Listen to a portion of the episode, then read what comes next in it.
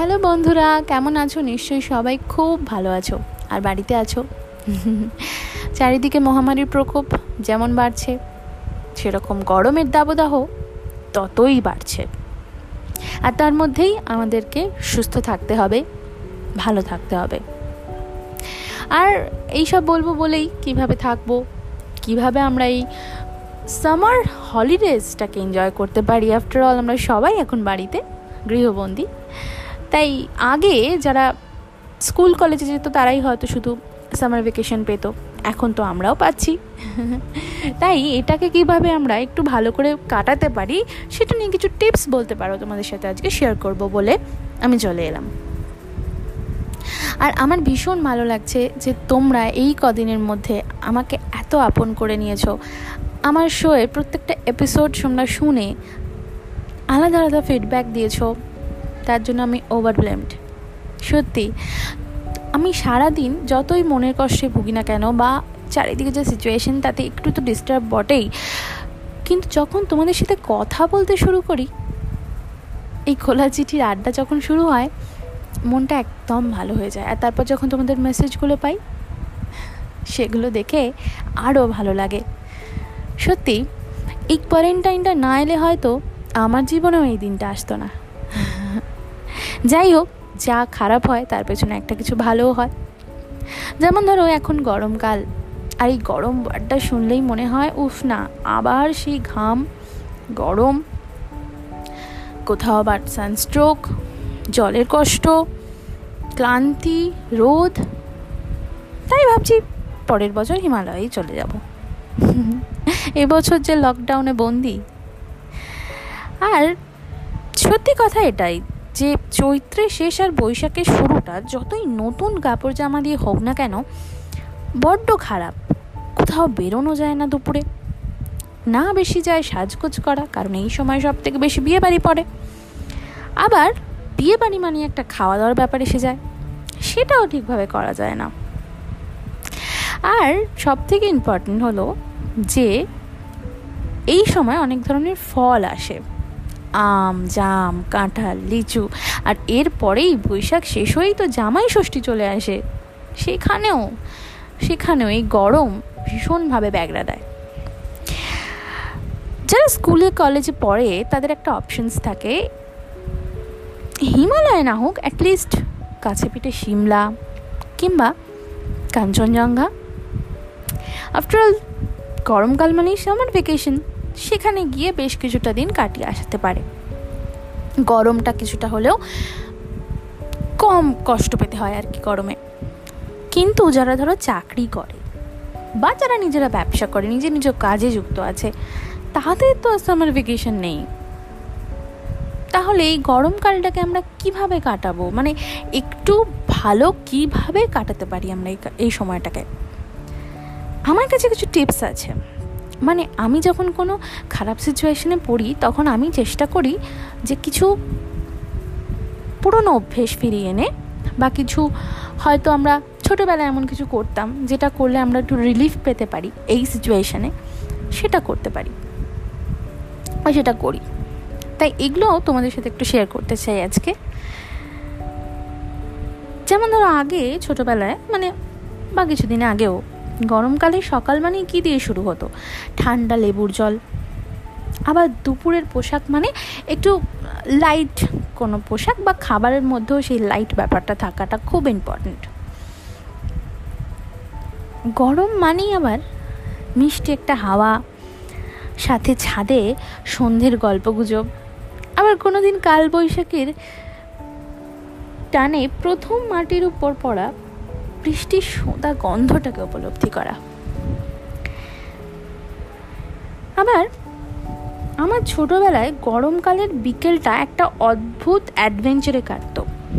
এই অ্যাডভেঞ্চারটা বোধহয় তোমাদের অনেকের জীবনেই কাটত।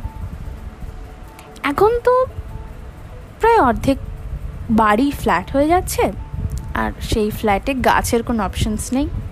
আমরা যা ফল সেগুলো সব বাজার থেকে কিনেই খাচ্ছি। কিন্তু আমি যখন ছোট ছিলাম, তখন আমার মনে পড়ে যে আমার বাড়িতে একটা আম গাছ ছিল। আর বিকেল হলেই আমরা ভাই বোনেরা মিলে সেই আম গাছের নিচে চলে যেতাম। আর সেখানে একটু হাওয়া দিলেই অনেক ছোটো ছোটো ছোটো ছোটো আম পড়তো। সেই আমগুলো কোড়াতাম, মাকে এসে দিতাম, মা ধুয়ে পরিষ্কার করে দিত। আমরা সেগুলোকে নুন দিয়ে মেখে ও তার যা স্বাদ! সেটা যে কোনো ফাইভ স্টার হোটেলের শেফের যে কোনো রেসিপিকে হার মানাতো। এখনও সেই গন্ধ যেন আমি পাই। আবার অনেকে মানে অনেক ছেলেমেয়েরা এই গ্রীষ্মকাল মানে কিন্তু অনেকের কাছে স্পেশালি বাচ্চাদের কাছে, বিকাল হলেই ব্যাট বল নিয়ে মাঠে নেমে পড়তো। আর শুরু হতো তাদের সামার টেস্ট ম্যাচ আর সেই টেস্ট ম্যাচ দেখতে কিন্তু পাড়ার অনেক মানুষ মানে বয়স্ক অনেক মানুষও কিন্তু ভিড় জমাতো। আবার গরমকালটা মর্নিং ওয়াকের জন্য যেহেতু একটু কষ্টের হতো, তাই অনেক বয়স্ক ঠাকুমা, দিদিমারা কিংবা ঠাকু, যারা দাদুরা, তারা ওই ইভিনিং ওয়াকটাও করতেন আর সাথে সাথে পার্কে বসে একটু গল্প করা কিংবা একটু রিল্যাক্স করা, একটা জমজমাটি বৈঠক, সেটার জন্য কিন্তু ওয়েট করে থাকতো। পাড়াতে এখনও করে। সকাল দুপুর গড়িয়ে ঠিক যখন বিকেল হতো মানে পাশের পাড়ার ক্রিকেটার বা ফুটবলাররা যখন সবে জার্সিটা পরে ঠিক রেডি ঠিক সেই সময় কোথাও বা কারোর ঝুল বারান্দা থেকে হঠাৎ ভেসে আসতো ঝুমুরের পদধ্বনি? বা কারোর কণ্ঠে আবার হারমোনিয়ামের সুরে এসো হয়ে বৈশাখ। কারণ বাঙালিরা গরমকালকে মেনে না নিতে পারলেও কবিগুরু তো মানুষের মনে প্রাণে স্পেশালি বাঙালিদের মনে প্রাণে এমনভাবে জড়িয়ে আছে যে রবীন্দ্র জয়ন্তীর ছাড়া কিন্তু গরমকাল ভাবাই যায় না। আর সেজন্যই চলতো বিকাল থেকে রিহার্সাল আম, আবার এই রবীন্দ্র জয়ন্তী, আম, কালবৈশাখী, কিংবা লম্বা সামার ভেকেশন এসবের ভিড়ে কবেই যে গরমকাল বৈশাখে পরিণত হয়ে মানুষের জীবনকে মানে মানুষের জীবনে ঢুকে যেত, সেটা কেউ বুঝে উঠতে পারতো না। এখন অবশ্য গরমকালের ডেস ডেফিনেশনটা ডেফিনেটলি একটু অন্যরকম, কারণ এখন আর লেবুর শরবত হয় না, তার জায়গায় হয় সকালবেলা গ্রিন টি আবার কালবৈশাখীর বিকেলে প্রকৃতির হাওয়ার থেকে গ্লোবাল ওয়ার্মিং চারিদিকে পরিবেশ দূষণ, এসবের দোহাই দিয়ে এয়ার কন্ডিশনারের মধ্যে নিজেকে আটকে রাখার মধ্যেই পাল্টে গেছে এখনকার গরমকাল। শুধু তাই নয়, আজকালকার রবীন্দ্র জয়ন্তীর রিহার্সালও কিন্তু বাড়িতে বাড়িতে কোনো বন্ধুর বাড়িতে জমায়েত হয়ে কিংবা পাড়ার কোনো এক ক্লাবে জমায়েত হয়ে রিহার্সালের মধ্যে দিয়ে হয় না, হয় অনলাইন ভিডিও কলিং রিহার্সাল আর মায়ের হাতে বাখা বা নিজেদের তৈরি করা যে আম কাসুন্দি তা এখন দোকান থেকে কেনা আম পানায় পরিণত হয়ে গেছে। আর ওই ভালো না লাগলে ছাদে উঠে নিজেকে কালবৈশাখীর হাওয়ায় ভাসিয়ে দেওয়া, সেটা এখন ভালো না লাগলেই মাল্টিপ্লেক্স বা শপিং মলে গিয়ে সময় কাটানো কিংবা বন্ধুদের সাথে কোনো ক্যাফেতে বসে গল্প করার মধ্যেই আটকে গেছে। এখন আর দুপুর গড়িয়ে বিকাল হলে কিংবা সন্ধে হলে অফিস থেকে যখন সবাই ফিরত, যে একটা ছাদে গিয়ে গান, আড্ডা, আনন্দ, মজা করা, সেসব নেই। এখন সত্যি গরমকালটা ভীষণ কষ্টের তো, তাই কোথাও কি সেটা ফোনে আটকে গেছে?